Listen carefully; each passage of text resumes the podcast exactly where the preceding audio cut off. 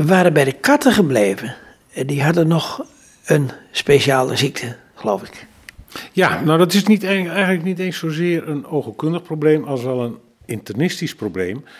Uh, een heleboel mensen weten het niet, maar bij katten komt veel hoge bloeddruk voor. En uh, dat zijn vaak hele gemene hoge bloeddrukken. En, uh, dus ook met hartproblemen en ja, alles ja, ja, ja, ja, waarschijnlijk heeft dat te, of dat is, heeft te maken met, uh, met de nieren van, van katten. maar het, het, het, probleem is, je kunt dat goed behandelen. dus dan kun je je kat wat langer houden, want uiteindelijk is, is een hoge bloeddruk natuurlijk dodelijk als, je het, als dat maar doorgaat en niet behandelt. Ehm, maar dan moet je het wel eens diagnosticeren. En dat is het punt. Een, het, het, meten van een bloeddruk bij een kat is niet zo simpel. Tegenwoordig zijn daar wel bruikbare dingen voor. Maar over het algemeen um, is het, het kijken in, in, in, in het oog, dus de fundoscopie, is uh, een belangrijk uh, uh, manier om te kijken of een kat hoge bloeddruk heeft. En dat is ook vaak heel goed te zien. Het punt is, als je in het oog al afwijkingen ziet, bloedingjes en, en bloedvaten die pral gespannen staan, dan is waarschijnlijk de bloeddrukverhoging is al een tijd gaande. Maar goed, op dat moment zie je het dan en dan kun je het behandelen. En, oké. Okay. Maar hoge bloeddruk is dus iets wat ook een dierenoogarts veel op zijn spreekuur tegenkomt bij katten. Maar goed, eh, je begon er al over, over het meten. Maar hoe, eh, kunnen ze een bandje op de poot krijgen? Ja, dus, ja er zijn tegenwoordig zijn, eh, de kleine bloeddrukmetertjes voor katten. Dat geloof je misschien niet, maar dat is echt waar. En, en heeft dat echt desastreuze gevolgen voor de kat, hoge bloeddruk? Ja. ja, ja, als je het niet behandelt, dan gaan ze er uiteindelijk aan dood. En er is nog niet bekend uh, hoe dat komt. Uh, je zei, nou, dat heeft met de nieren te maken. Ja, maar... ja, ja, dat is een, een, een, met name, het zijn met name oudere katten, die vaak ook nierproblemen hebben. En dat is natuurlijk een bekende, bekend uh, relatie, nieren en hoge bloeddruk. Dus dat, dat, uh, het is zeer waarschijnlijk dat dat de reden is dat die hoge bloeddruk bij katten ontstaan. Zou het ook met uh, doorfokken uh, te maken hebben? Ja, ongetwijfeld. Dat is, er zal vast een, een genetische factor ook in zitten. Ja. Wat wil je nu nog bespreken? Nou, ik denk dat ons derde huisdier, wat, voor, wat ons ook na aan het hart ligt, is het paard. En ehm, daar ehm, het bekendste probleem bij, bij paarden is de zogenaamde maanziekte. En uh, dat, dat, is al een hele tot verbeelding sprekende naam. Um, maar het is een hele nare ontsteking van het, de binnenkant van het oog, een uveitis. Die, uh, uveitis? Uveitis, ja. Wat bij mensen ook voor, voorkomt. Ja, ja, ja, mensen ook, zeker. En uh, alleen, dit is een hele vervelende vorm die uh, uh, iedere keer in aanvalletjes terugkomt en iedere keer wordt zo'n oog slechter. En krijgt ook steeds meer littekens. Dus op een goed moment zie je ook zo'n aan de buitenkant van het oog ontstaan ook in het hoornvlies staan littekens. Dat zijn die paarden met die witte vlekken in het, hè, voor hun pupil in het oog. En uiteindelijk wordt zo'n oog gewoon blind. Nou, die, waarom heet dat maanziekte? Omdat als zo'n binnenkant van zo'n oog ontstoken is, dan worden die beesten heel licht gevoelig. Hè, die worden licht schuw en uh, willen niet meer naar buiten overdag. Maar als dan de avond valt, de maan schijnt, dan willen ze naar buiten. Dus een maanziek paard wil eigenlijk alleen maar s'avonds buiten zijn. Maar heeft dat net zo, is dat net zoiets als dat de mens, als hij uh, staar heeft, heel moeilijk tegen de zon kan? En, en, ja, ja, dat is ook, ook een vorm van lichtschuwheid. Maar dat is bij die maanzieke paarden is dat nog veel erger. He, die, die hebben daar echt zoveel last van dat ze weigeren om gewoon naar buiten te gaan. Zonnebril opzetten. De zonnebril opzetten, ja. Nou, goed behandelen is natuurlijk het enige, hè, want anders dan wordt dat toch een, een grote ramp. Uh, als, als je dat niet behandelt, dan, uh, dan eindigt, eindigt zo'n oog blind. Ja. Maar is het nou zo dat je, ja, je behandelt nu een, een aantal oogziektes um, voor ja, eigenlijk huisdieren. En nou, dat zijn de dieren die eventueel ook geopereerd worden. En daardoor weet je er ook wat van. Maar zijn er ook andere oogziektes in de natuur die, die we niet zo makkelijk kunnen opereren? Ja, zeker. Ook bij, bij gewoon je huisdieren hoor. Ik- Een van de dingen die, die misschien nog bij het paard even moet zeggen, dat is eh, dat paarden hebben door hun, de bouw van hun oogkas eh, en hun schedel, eh, zitten die ogen als het ware een beetje losser. Mm, Dat is niet helemaal waar. De, de, de, het verloop van de oogzenuw is wat kritischer dan bij de mens. Met als gevolg dat als een, als een paard, zeker een jong paard, als die een ongelooflijke klap tegen zijn kop krijgt, dan wordt er even heel hard aan zo'n oogzenuw getrokken en dan kan die scheuren.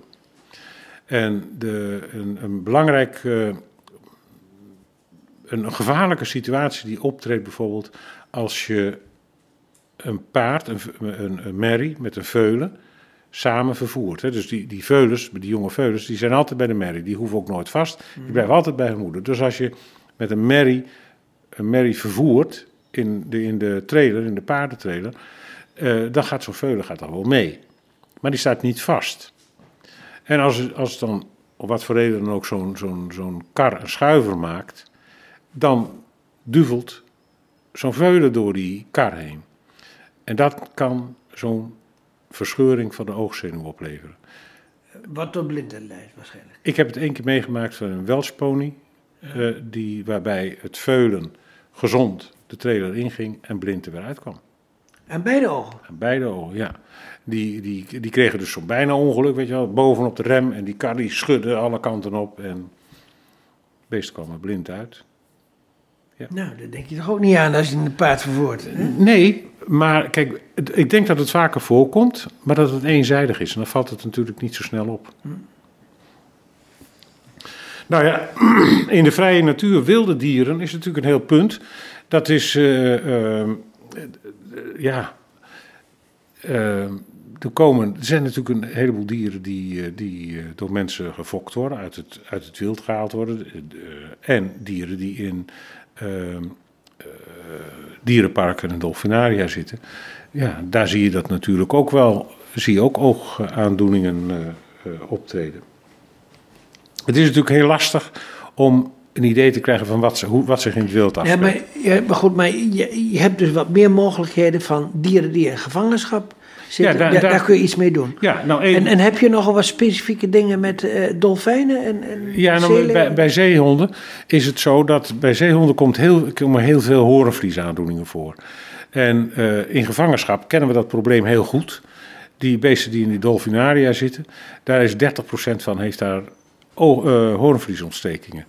Nou ja, dan ga je kijken van hoe kan ik dat beïnvloeden, kan ik het beter maken, dat is natuurlijk de bedoeling.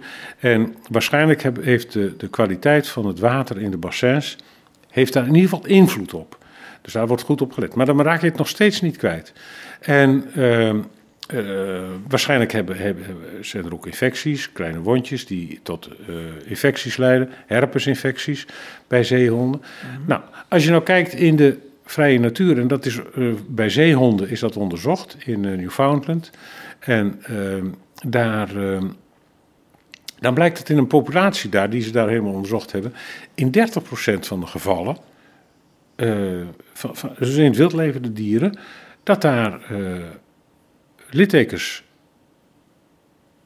die littekens hebben van, van, van, van hoornvliesinfecties. Dus het is een, een hoornvliesaandoeningen bij, in ieder geval bij zeehonden, eh, is waarschijnlijk een behoorlijk probleem voor die dieren. Een, eh, en bij ve- bij veel andere dieren is het ook zo hoor. Dat is, de hoornvlies is natuurlijk het meest aan de buitenlucht blootgestelde deel van, eh, van het oog. En kwetsbaar. Dus dat, eh, daar gebeurt makkelijk wat mee. Eh, wat bij zeehonden ook veel voorkomt, is catract. En ehm, met name onze eigen waddenzeehond, dus onze, hè, de meest voorkomende inlandse zeehond, is, eh, eh, ontstaat vaak al op vrij jonge leeftijd eh catract, staar. Ehm, nou is het zo dat, we, dat eh, je er niet, eh, dat je aan wilde zeehonden geen staar moet opereren. Dat is, dat is onzin, die beesten hebben dat helemaal niet nodig. Zeehonden kunnen heel goed blind in leven blijven, omdat ze fourageren op baroreceptoren, dus drukreceptoren in hun snor. Dus die hebben het, hun ogen eigenlijk niet zo vreselijk nodig om te overleven, maar wel voor, sociaal, voor sociale zaken. Daar gebruiken ze, dat, uh, gebruiken ze met name een visuele systeem voor. Um, nou ja, de, de, een van de, van de, van de uh, zaken waarin dokters nog wel eens instinken, is, zijn slangen.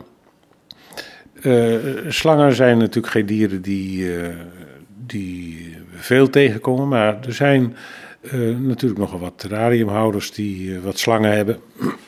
en een slang die heeft, die moet zo nu en dan moet hij zijn, zijn, zijn huid herstellen, omdat hij, ja, je, hij kruipt op zijn buik, dus die schubben die gaan allemaal kapot.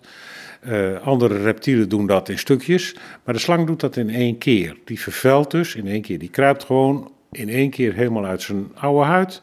Er wordt, de, kruipt eruit met de nieuwe huid en dan is het weer klaar in de aanloop naar die vervelling zie je dat die huid ver verandert. Hè, dat is, uh, daar, daar wordt, daaronder gebeurt wat en die huid vervelt.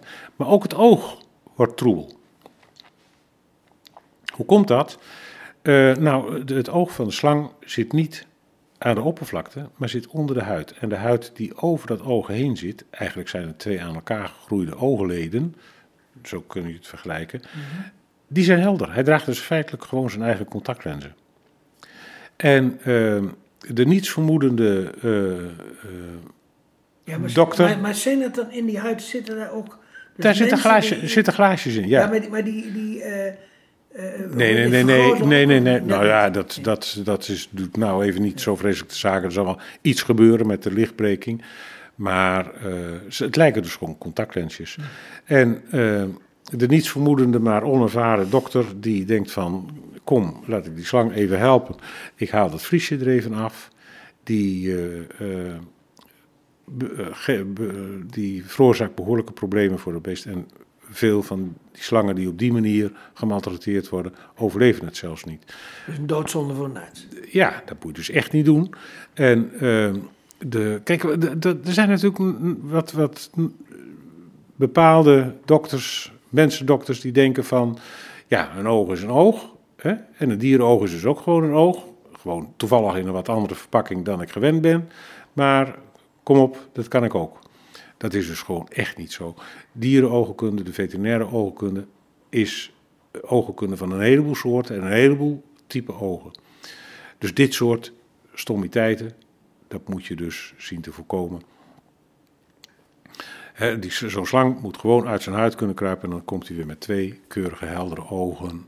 Uh, komt hij, kan hij weer verder. Maar hoe kan die slang dan overleven tijdens die rui? Of hoe, hoe dan verstopt hij zich. Dan verstopt hij zich? Ja, natuurlijk.